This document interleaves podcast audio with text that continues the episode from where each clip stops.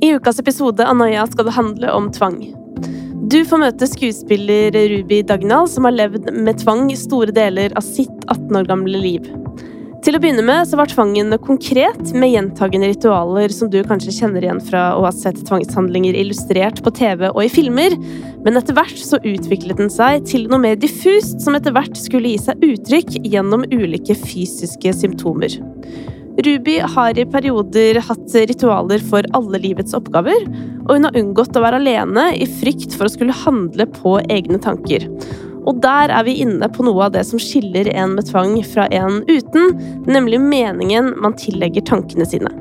Dette kommer psykologen vår Karina Carl mer inn på om litt. La oss aller først høre Rubys historie.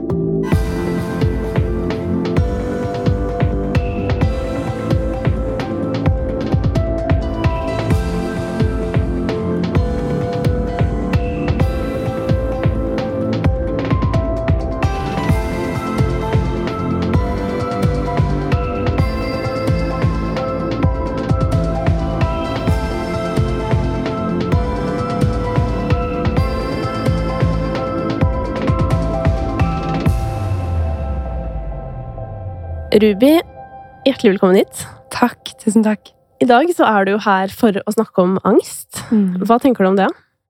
Um, jeg tenker at det er noe som har vært veldig mitt, og uh, pårørendes på en måte uh, Det de vet om meg, og Mm. ikke ingen andre.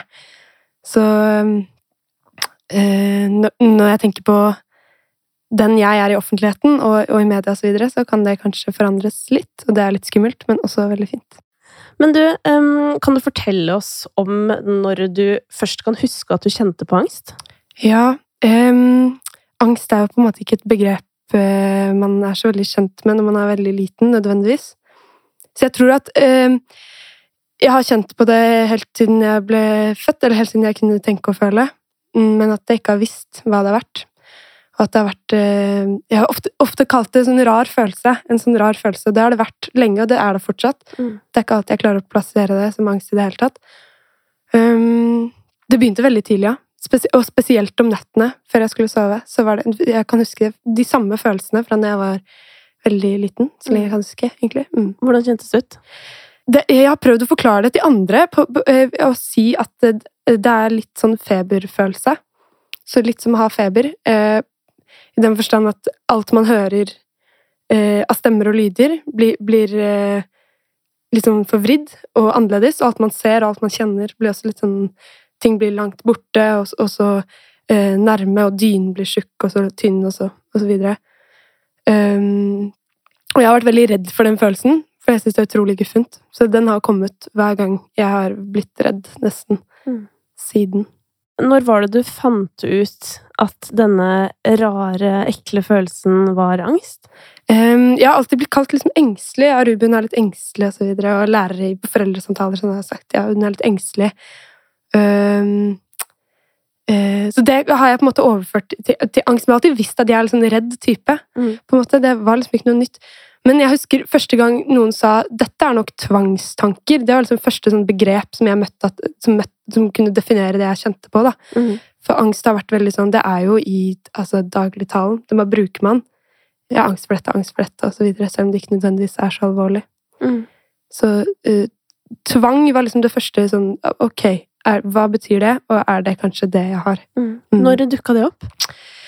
Jeg var vel rundt eh, 11-12, tror jeg, og lagde, begynte å lage systemer i hodet mitt, og begynte å, å ta eh, skyld i ting, eller hvordan, hvordan kan jeg fikse dette, og hvordan kan jeg eh, gjøre mitt beste for at dette ikke skal skje, videre.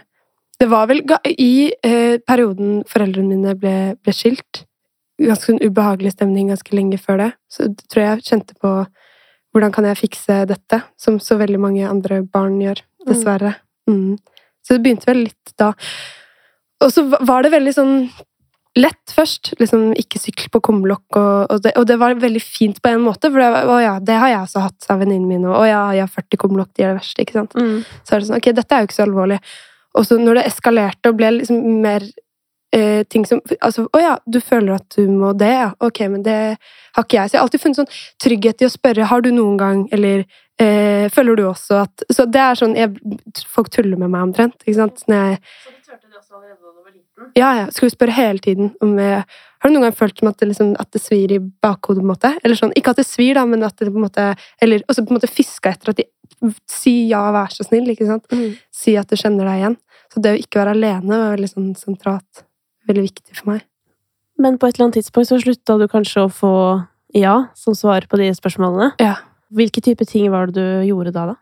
Ehm, nei, som sagt, så, så, så begynte det jo på en måte ganske lett. Og det, altså, når jeg fikk vite om at tvangstanker var et eh, eh, var en ting, og, at det kanskje var det jeg hadde, og så videre, så, så, eh, sa folk at ja, dette er typisk å gjøre ting fire ganger, for det er fire stykker i familien. Så tenkte jeg ja, det, det er typisk, det gjør jo jeg.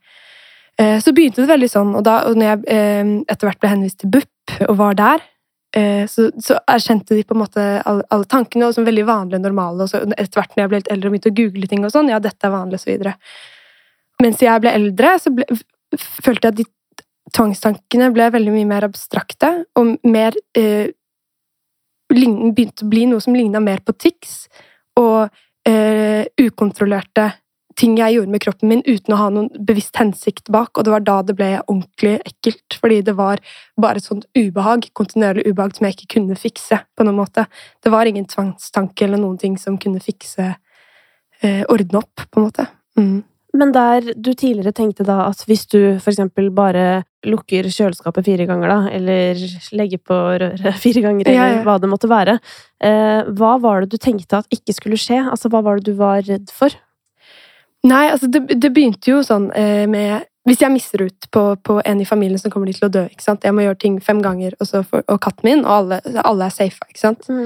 Alle er sikra. Eh, og så var det eh, Så gikk det veldig mye sånn det, det var veldig mye som gikk igjen, ikke sant? for jeg måtte pusse tennene mine på en, på en helt konkret måte. En gang eh, på venstresiden, en gang på høyresiden, og så oppe nede, og så litt på tunga, og så videre. så- sant? Sånn, på den måten. Eh, og når man gjør det hver dag fordi at eh, noen ikke skal dø, eller for at verden ikke skal gå under, eller alle de tingene jeg var redd for som barn, Ehm, så vet man jo det så hva er det jeg egentlig er redd for, og så kan man begynne å eh, summere opp alle de tingene man er redd for, og legge den hensikten bak. Men når man gjør det hver dag, så blir det bare et sånn Det blir en vane, på en måte, eller Mm. et ritual. Og hvis man ikke gjør det, eh, så blir det feil. Så Mm. det er kanskje at man gjør det, og så tenker man 'å nei, nå gjorde jeg det ikke'. Da kommer disse tingene til å skje. Så man, man legger på en måte en hensikt etterpå, hvis man ikke har fått det til. Og det fulgte meg. altså Det ble på en måte verre eh, på en måte. Jeg likte det egentlig mye bedre når det var helt konkret. Men det ble liksom mer og mer diffust og, mer og mer vanskelig å ta tak i. Eh, det var da det begynte å bli skikkelig ubehagelig. For når psykologer og så videre spurte ja, hva er det du tenker, hva er det du er redd for at skal skje, og jeg sa jeg, jeg vet ikke, det er bare et eller annet som må fikses. Og da merka jeg at nå har jeg ikke kontroll. Mm. Hva skjedde inni deg da? Ehm, jeg har alltid vært veldig redd for å miste kontroll over tankene mine og hodet mitt, og, og, ehm, og bli gæren. Og ikke, ikke ha kontroll på hva som foregår, eh, særlig inni hodet, og bilder som kommer, og tanker som kommer, og, og bli helt psykotisk. Um, så det er typisk da, Jeg hadde en greie som jeg kalte for rask tenkning. tenkning da. Sånn jeg, vi prøvde å forklare til pappa. Sånn, jeg tenker fort. ikke sant? Ruby, går det bra? Får du ikke sove? Og så. Jeg tenker fort, ikke sant. Og det var bare at det kom en tanke med masse forskjellige ting jeg hadde sett i løpet av dagen, og ting jeg ikke hadde sett i løpet av dagen. og Alle mulige slags bilder og tanker inni hodet. Og så, det, hadde jeg ingen kontroll. Da liksom, jeg måtte bare la det komme. Og stemmer, og folk som sa eh, 'ja, men du må bare la det komme'. bare, Og så flyter det forbi som en fisk. og liksom, man kan få, altså Alle disse rådene og, og, og, og skumle ting, og alt bare blanda på én gang. Og det var utrolig guffent. Så dette kom, da.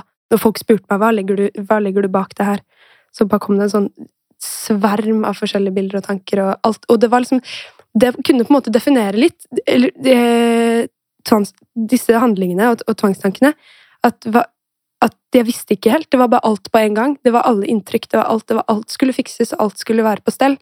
Eh, så det var alt på en gang. Det ble for mye for meg, på en måte. Så det var, det, det, var mye det som lå bak, har jeg kanskje skjønt i ettertid. Mm. Men hva gjorde det med deg, da? Altså sånn i hverdagen? Var du i stand til å gjøre alt du skulle, på en måte? Nei, overhodet ikke. Um, jeg brukte vanvittig lang tid på alt. Særlig dette Altså, altså, absolutt. Jeg nevnte dette med å pusse tennene og ta på klær. altså, Men det går ikke an å ramse opp engang, for det var, det var bare nøyaktig alt. liksom. Alt.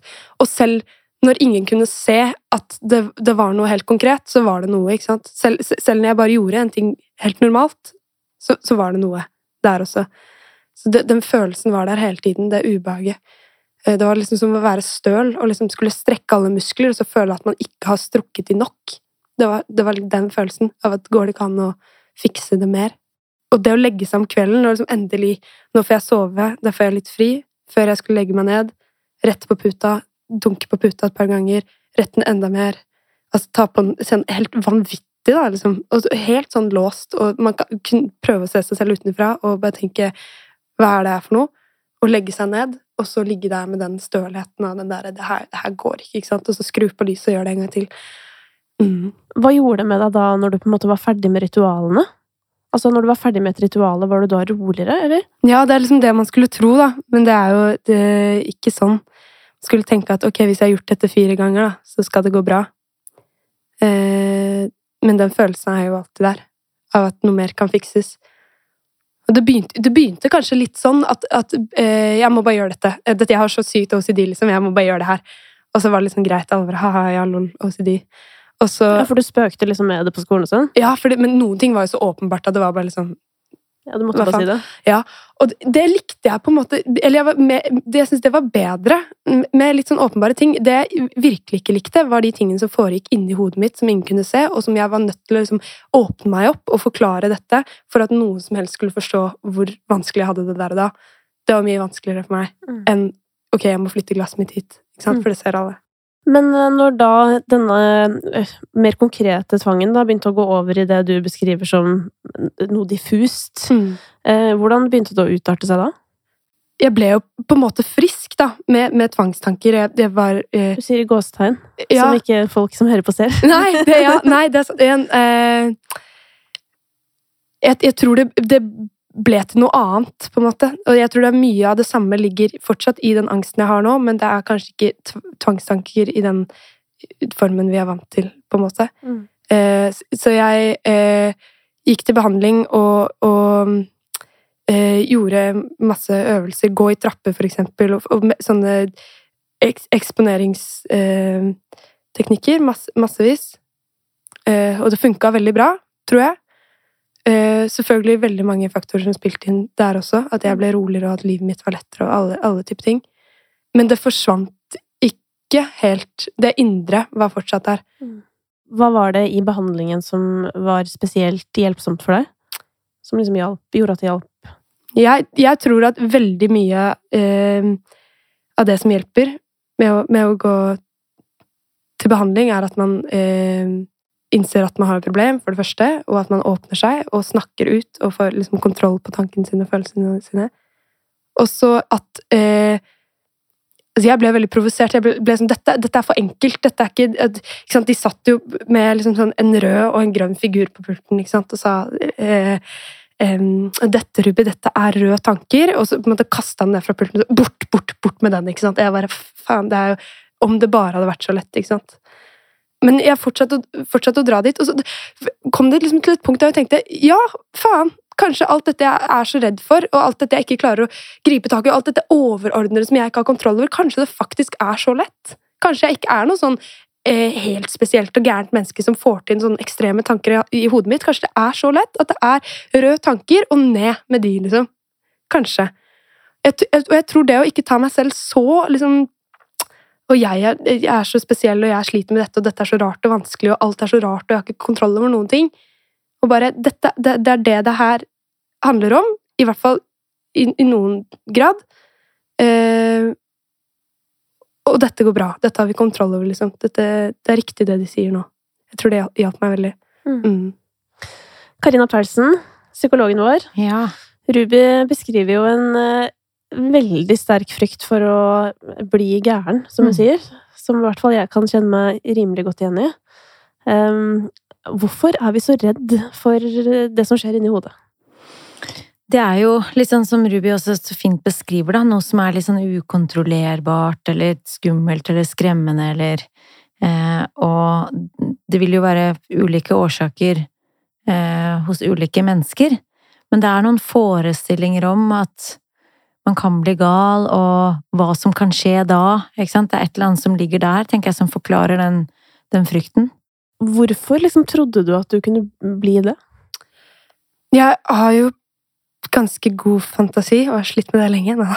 Men, jeg, men eh, alle sånne bilder på mennesker som var gærne, eller å se, å se mennesker som altså, Filmer der hvor folk dunka hodet i veggen og øh, ikke hadde kontroll over egen kropp, var psykotiske det, Jeg har alltid fått så ekstremt packeren av det. Syns det var utrolig guffent. Så jeg, jeg, er redd for det, tror jeg, rett og slett. Jeg syns det er skummelt. Og én ting er jo at eh, man ikke har kontroll over at noen andre skal skade deg, men det å liksom ikke ha kontroll over seg selv, og for ikke å snakke om skade andre, da, og, eller alle disse eh, virkelig skumle, tabubelagte tvangstankene, som, som man ikke snakker så mye om. Er det også noe du har vært borti? Ja, ja, er du gæren. Jeg måtte sove på en helt spesiell måte. Jeg ville en periode sove i det, i det nye det huset som faren min flytta til. Så var det um, Jeg ville sove med døren åpen, og så lå sengen min innerst i rommet, så kunne jeg se ut på gangen ehm, mot et skap som ikke kunne lukke seg, og der lå det en øks, ikke sant. Og jeg måtte, måtte sove på en helt spesiell måte, så jeg overhodet ikke kunne vende ansiktet mot den øksa og våkne og se rett på den øksa og bli gæren, ikke sant. Jeg synes det var så ekstremt guffent. Og jeg vil ikke si det til noen, det tok kjempelang tid. Jeg vil ikke si 'kan vi være sånn å flytte den øksa', eller noe som helst sånn, fordi jeg synes det var så ekkelt. Men, men eh, alle, sånne helt sånne ekstreme tanker som man, det, man, er, det man er redd for å møte, er jo at noen skal tenke 'å ja, å ja, så du vil ta livet ditt'? Dette er jo kjempealvorlig, ikke sant? Og forstå deg feil. Det er derfor det er så ekstremt rått at du sitter her Ja. i dag. Fordi dette her er tanker som du overhodet ikke er alene om. Eh, Men dette med tvang, det er på en måte av en eller annen grunn så ekstremt tabubelagt. Hva er det vi skammer oss om for, Karina? Jeg tenker For det første så er det jo noe vi lærer veldig lite om. Vi lærer i det hele tatt veldig lite om psykologi, om tankene våre, om hvordan sinnet vårt fungerer. Sammenhengen mellom tanker og følelser, og eh, at katastrofetanker er normalt.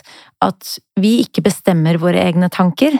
Eh, At vi ikke trenger å kontrollere de, at tankene våre ikke er vår identitet. Vi trenger ikke å identifisere oss med de.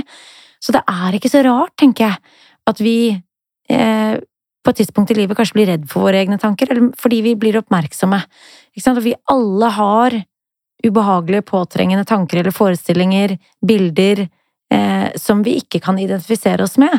Men forskjellen på en som lider under en tvangslidelse, og en som ikke gjør, er at personen som lider under tvangslidelse, vil tenke 'å nei, nå tenker jeg det, hva hvis jeg handler på den tanken, hva sier det om meg'? Eh, bli redd for å bli sinnssyk, miste kontrollen over seg selv, komme til å skade andre. Og fordi at disse tankene ofte er så ubehagelige, ofte voldelig og seksuell karakter, for eksempel, så tør man jo heller ikke å si det til noen. Eh, og det skjønner jeg innmari godt, fordi at vi er for lite opplyste, tenker jeg, i vår verden, til å stort sett da, kunne møte et menneske med respekt. Eh, og det er jo det man trenger. Man trenger å høre at dette er tvangstanker, det er ikke farlig, eh, du er ikke det du tenker, og så videre. Så jeg tenker at vi trenger en opplysning på eh, i hvert fall på landsbasis, vi skal forholde oss til Norge, da, Mm. om hva dette er. Mm. Sånn at vi kan tørre å snakke om det vi ofte betegner som skammens lidelse, OCD. Hva tenkte du, Ruby, at uh, din tvang sa om deg? Før jeg i det hele tatt turte å si det til noen, det var vel det, det, den verste perioden, for da kan man jo finne på all Da får man ingenting eh, Man får ikke noe svar, man får ingenting tilbake. Du får ikke bekrefta at du Man er normal. Nettopp. Du får bare være alene og tenke enda hardere på hvor gæren du er i ferd med å bli. Nettopp. Da begynner man selvfølgelig med sånn som jeg gjorde. Jeg sover på en spesiell måte for, at, for å unngå ting. Og eh, ikke være alene, for eksempel, for å unngå å tenke på i det hele tatt å kunne hoppe ut av vinduet. Da. Mm. Og alle disse tingene man gjør for å hindre eh, tankene sine. Og det er jo eh, en løsning på veldig korttidsbasis, og kan funke i et, et par minutter, helt til man innser at man må justere livet sitt enormt for å kunne svinge unna alle, alle, alle ubehageligheter. Og så dukker det opp nye ting stadig vekk, uansett hvor mye man forsøker. Og for et ensomt og altoppslukende energisluk, ikke sant? Mm. Usynlig energisluk. Ja, det ble jo stadig mer usynlig for deg, Ruby. Startet jo, som du sa, på skolen med at du kunne spøke litt, og alle var litt sånn oi, nå, nå driver Ruby med greia si. Mm. Uh, men så i senere tid så um, har du, som du sier, du har blitt friskmeldt, men det er fortsatt noe som foregår. Ja. Hvordan utarter det seg nå, liksom? Det, har, jeg vil si at jeg har mine dager, på en måte. Når noen dager jeg våkner og bare kjenner på hele kroppen at ok, i dag eh, har jeg det er, Føler jeg meg litt rar, ikke sant? I dag er det et eller annet I, i dag er det ganske kort eh, mellom det og at det går greit, og at det ikke går greit. Jeg, jeg tror det å kjenne på et ubehag som man ikke klarer å sette helt eh, Plassere helt, er, er noe jeg har vært veldig redd for. Mange, mange har sagt Eller jeg er veldig, veldig redd for å være fyllesyk, for eksempel.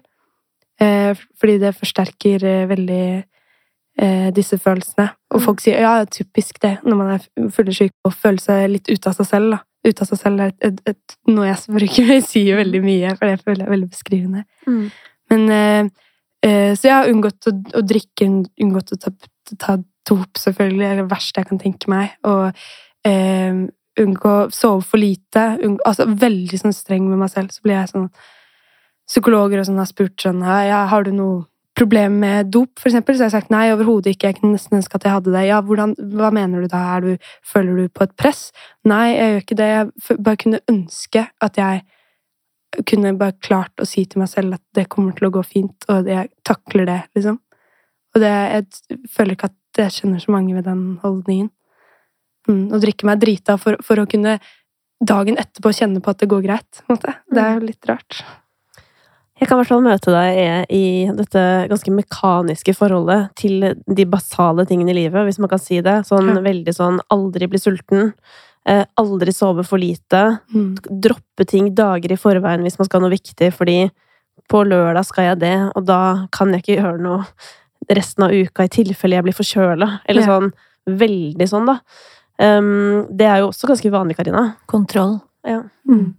Og når noen sier det ordet til meg, så kjenner jeg at jeg får sånn Å nei, men jeg har ikke lyst til å være Nei, Eller sånn, slik. hvorfor uh, Jeg har jo bare slått meg til ro med at kanskje det er et, et, en del, eller en tid jeg trenger nå, til at liksom jeg føler at jeg er rolig nok, eller hva jeg skal Mm. si, til at jeg kanskje kan begynne å øve meg på å slippe kontrollen. Men jeg føler at det også blir noe jeg Ja. kommer til å måtte trene på. Ja. Og kanskje er det i perioder. Eh, og jeg tenker at eh, det kontrollbehovet, det er, intensjonen er jo god. Man forsøker å få kontroll over noe. Mm. Eh, og så kan kontrollbehovet ta litt overhånd.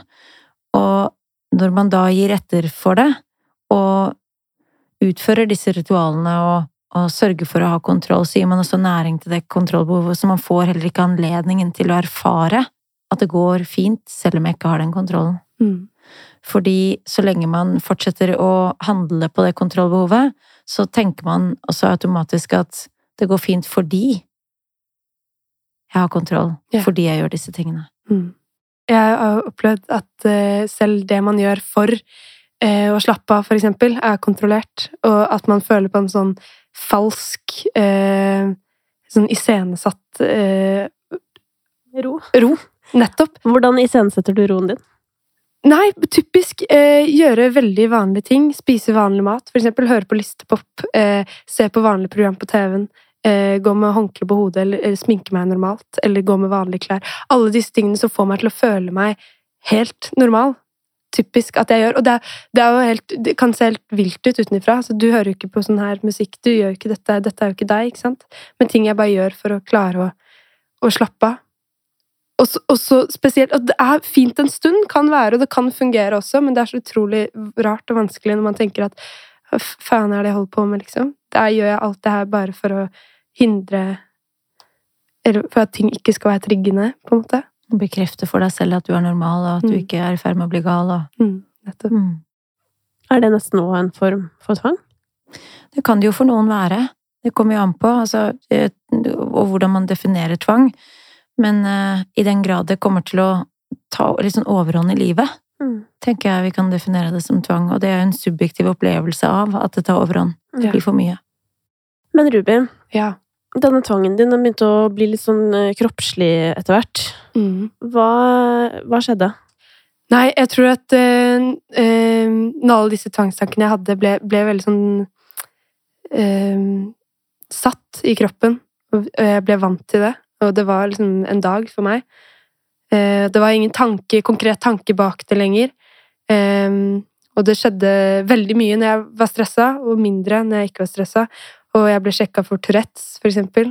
De, altså, Hvorfor ble du det? fordi de trodde jeg hadde tics. ikke sant? Jeg sa det er helt ukontrollert, på en måte. sa jeg. Eller det er, det er ikke noen tanke bak. det er ikke noe konkret. Jeg bare blunker skikkelig masse når jeg er stressa.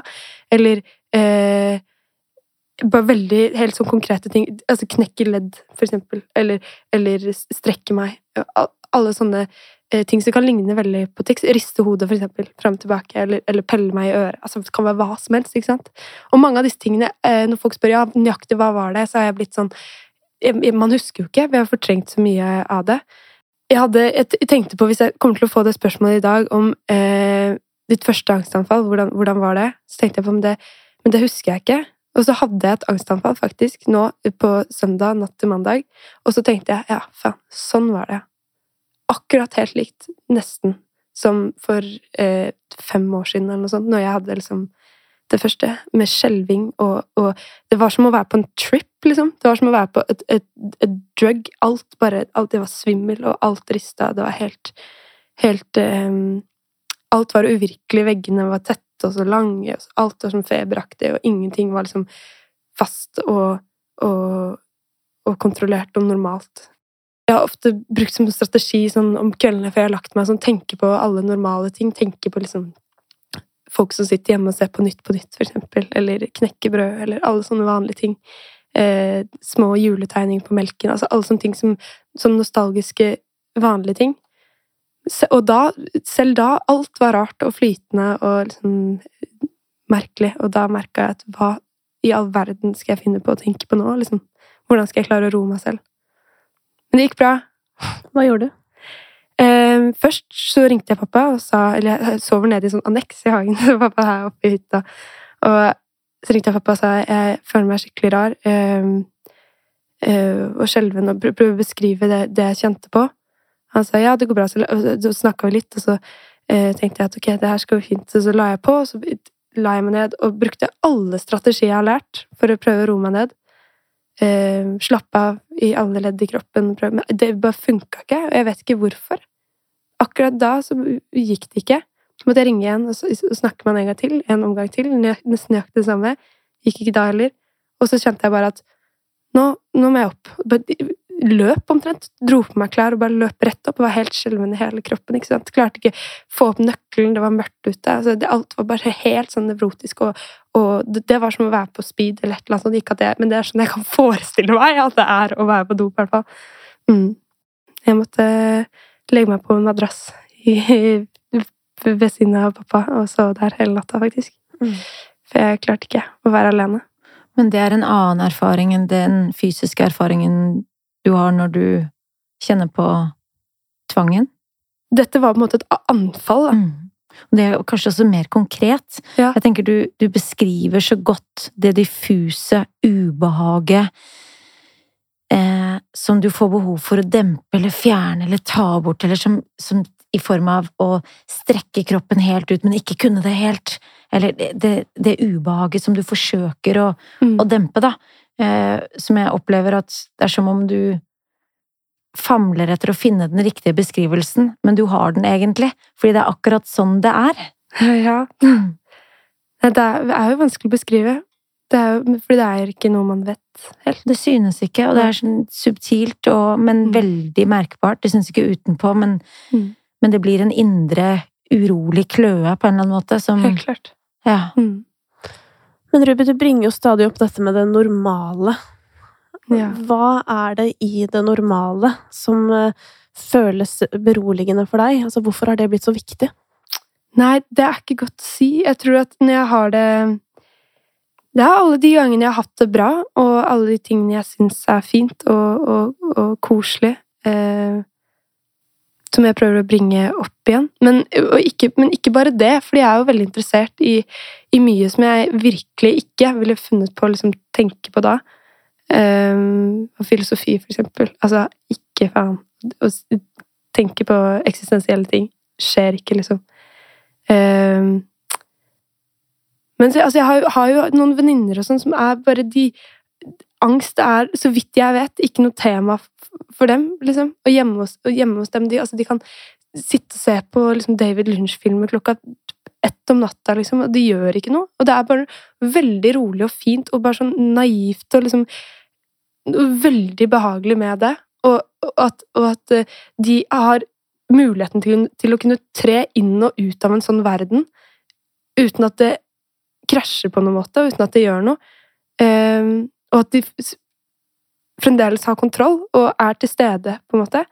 Og ikke, ikke har drukna helt i liksom, fantasi eller tankene sine. Jeg, jeg bare beundrer så veldig og kunne ønske det var sånn for meg. Så det er en sånn trygghet å tenke på de, eller det. Men har du prøvd det, da? Og ja, ja. Det har jeg. Helt klart. Hva, hva skjer med deg når du eh, ser på litt skumle ting? Nei, jeg bare merker at dette dette går ikke, og dette er et veldig godt bilde på nøyaktig det jeg kan forestille meg, eller verste, de verste tingene jeg kan tenke meg når jeg blir redd. Veldig mange snakker om kontroll og frykten for å miste kontrollen over seg selv. Eh, kan jeg være en som bruker den øksa, for eksempel, for å bruke det eksempelet fordi du selv nevnte det? Eh, eller hva hvis jeg hopper ut av vinduet? Mm. Eller hva hvis jeg dytter det mennesket ut av vinduet? Eller eh, at man blir redd for og kommer til å forveksle en tanke med en handling. Mm. Eh, og at tanken blir veldig nært til handlingen og føles som om man kan være tilbøyelig til å handle på den tanken. Mm. Og det igjen skaper en veldig sterk angst. Så ja, veldig mye av det handler ofte om kontroll. Og også mm. ansvarlighet. Mm. Ja, fordi den, den med ansvarligheten, der kjenner jeg meg veldig igjen. Fordi det er veldig rart at øks skulle komme opp i dag. Ja. Eh, fordi jeg kjøpte meg jo en øks i år. Ja av helt andre årsaker enn angst og tvang, på en måte, men samtidig kanskje ikke, for å være mye ute i naturen, da. Men den øksen, den, den var ikke noe problem for meg altså, da jeg var alene på tur. Men så var jeg på tur med en venninne, og så skulle jeg hogge ved, og mm. da var altså kjøret i gang.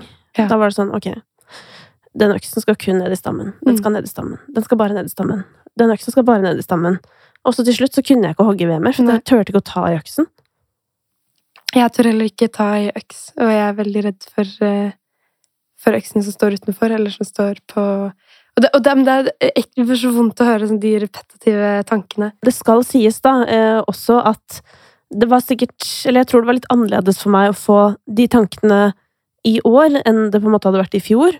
Eh, fordi jeg har lært dette med at sånn nå, fordi jeg er liksom engstelig og jeg er i en urolig tilstand nå, så driver jeg og tror og legger til den tanken om shit, hva skal jeg gjøre med den øksen? At jeg på en måte lar det bety noe. Det kan jo godt hende venninnen min tenkte akkurat det samme, eller sånn tenkte sånn oi, jøss, mm. hva hadde skjedd hvis jeg hadde tatt denne øksen og bare kasta den mot Kristine? Mm. Eller sånn. Men og så bare lar man tanken fare forbi, og så tenker man ikke noe videre over det, ikke sant? Og det er jo der vi på en måte eh, skiller oss ut, Ruby, ved at vi begynner å tenke sånn at vi tror at herregud, det er noe galt med meg. Ja. Fordi jeg tenker at den øksen skal et sted hvor den ikke burde. Ja, og så, og så den hva er grunnen til at jeg tviler på meg selv, og ikke hun gjør det? Jeg tror mye av det for meg ligger i at jeg, jeg er så redd for at det skal skje noe med folk rundt meg. Altså, Karina, hvordan kan man møte disse tankene? Eh, legge merke til de, Eh, og så kan man jo legge merke til om det er noe man gjør for å forsøke å nøytralisere de, mm. eller dempe.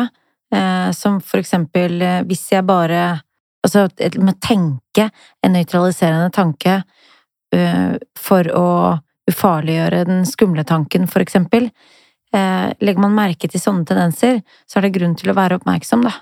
Mm. I det hele tatt der hvor man blir vesentlig mer engstelig enn det som er naturlig gitt situasjonen.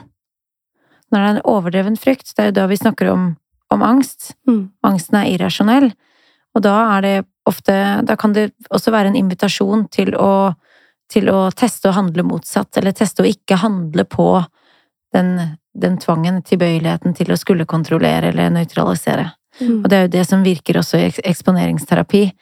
Eh, Og at man eksponeres for tanken, for eksempel, eller for ubehaget, men uten å ha den nøytraliserende handlingen eller tanken i tillegg. På kort sikt ubehagelig, på lang sikt får man erfaring med at oi, det skjer ikke noe. Mm. Ikke sant? Jeg tror at den handlingen eller tanken er det som hjelper, at jeg må kontrollere, at jeg må opprettholde den kontrollen, handle på en bestemt måte, eh, fordi at jeg gjør det, og at jeg blir rolig av tanken på at jeg gjør noe. Det gir meg en, en falsk opplevelse av kontroll, og dermed er den spiralen i gang, men da forteller også du deg selv samtidig at jeg har ikke kontroll hvis jeg ikke handler på den tanken. Mm. Ruby, sett at uh, dette skulle roe seg enda mer ned hos deg. Ja. Hva er det du liksom drømmer om at du skal liksom kunne gjøre uten at uh, du må riste på hodet eller gå vekk fra situasjonen, eller Jeg tror eh, det å bare finne en sånn generell indre ro, og klare å, å være alene uten å øh, tvile på meg selv og være redd. Jeg tror at jeg har veldig behov for å være alene på mange måter. Og det, det å tro på at jeg kan klare å lage det fint for meg selv Og når man er 18 år, så er man jo veldig mellom det å være, ha foreldre og være barn og være voksen og liksom uavhengig, ikke sant. Jeg har tenkt veldig mye på det i det siste, at fy fader, snart så er jeg voksen og ikke den lille jenta som kan søke trygghet hos foreldrene mine. Jeg må skape den tryggheten selv. Kommer jeg til å klare det? Og i fremtiden kanskje skape trygghet for egne barn. Mm. Her er det jo mange ønsker og motivasjon, Karina, for fremtiden. Absolutt, og det er fint å høre, og jeg vil si gå med drømmene. Mm. Mm, fortsett å drømme. Mm. Tusen takk til Ruby som stilte opp i Noia med sin viktige historie. Senere denne uka møtes Karina og jeg i studio for å svare på dine spørsmål. Vekket dette kapitlet spørsmål hos deg, eller lurer du på noe om tvang som vi kanskje ikke var innom her? I så tilfelle kan du kontakte oss anonymt via noiapodkast.no. Tusen takk til Rådet for psykisk helse og Ekstrastiftelsen, som har troen på prosjektet vårt, og som lar oss holde på.